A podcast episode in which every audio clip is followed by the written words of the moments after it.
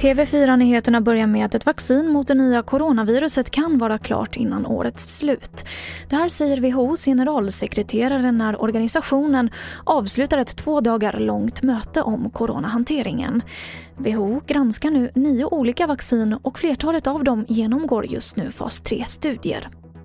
12 dödsfall har räknats bort i Folkhälsomyndighetens statistik över antalet bekräftade döda med covid-19. Samtidigt så fortsätter antalet som smittas av coronaviruset i Sverige att öka.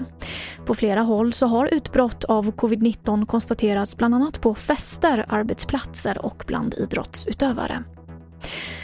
Och så avslutar jag med att berätta att tre forskare delar på årets Nobelpris i fysik.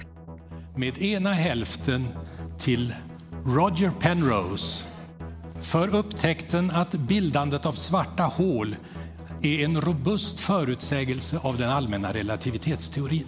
Och med andra hälften gemensamt till Reinhard Genzel och Andrea Ghez för upptäckten av ett supermassivt kompakt objekt i Vintergatans centrum. Det sa Göran K Hansson vid Kungliga Vetenskapsakademin. Och det var det senaste från TV4 Nyheterna. Jag heter Emily Olsson.